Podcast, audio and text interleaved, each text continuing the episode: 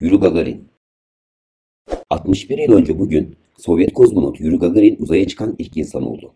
Vostok 1 isimli araçla dünyanın çevresinde bir tur atıp 108 dakika sonra dünyaya geri döndü.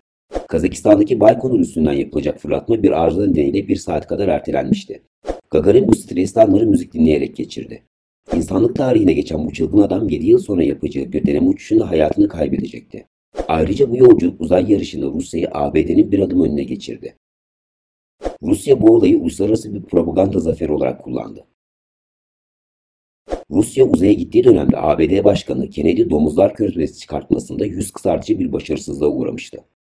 Rusya'nın bu tarihi zaferin üzerine Amerikalılar Apollo projesini başlattı. Ay'a bir insan yollayarak güvenle dünyayı geri getirmek gibi bir hedef koyduğunu ilan ettiler. İnternet sitemizden ABD ve Rusya arasındaki bu amansız rekabeti daha ayrıntılı inceleyebilirsiniz.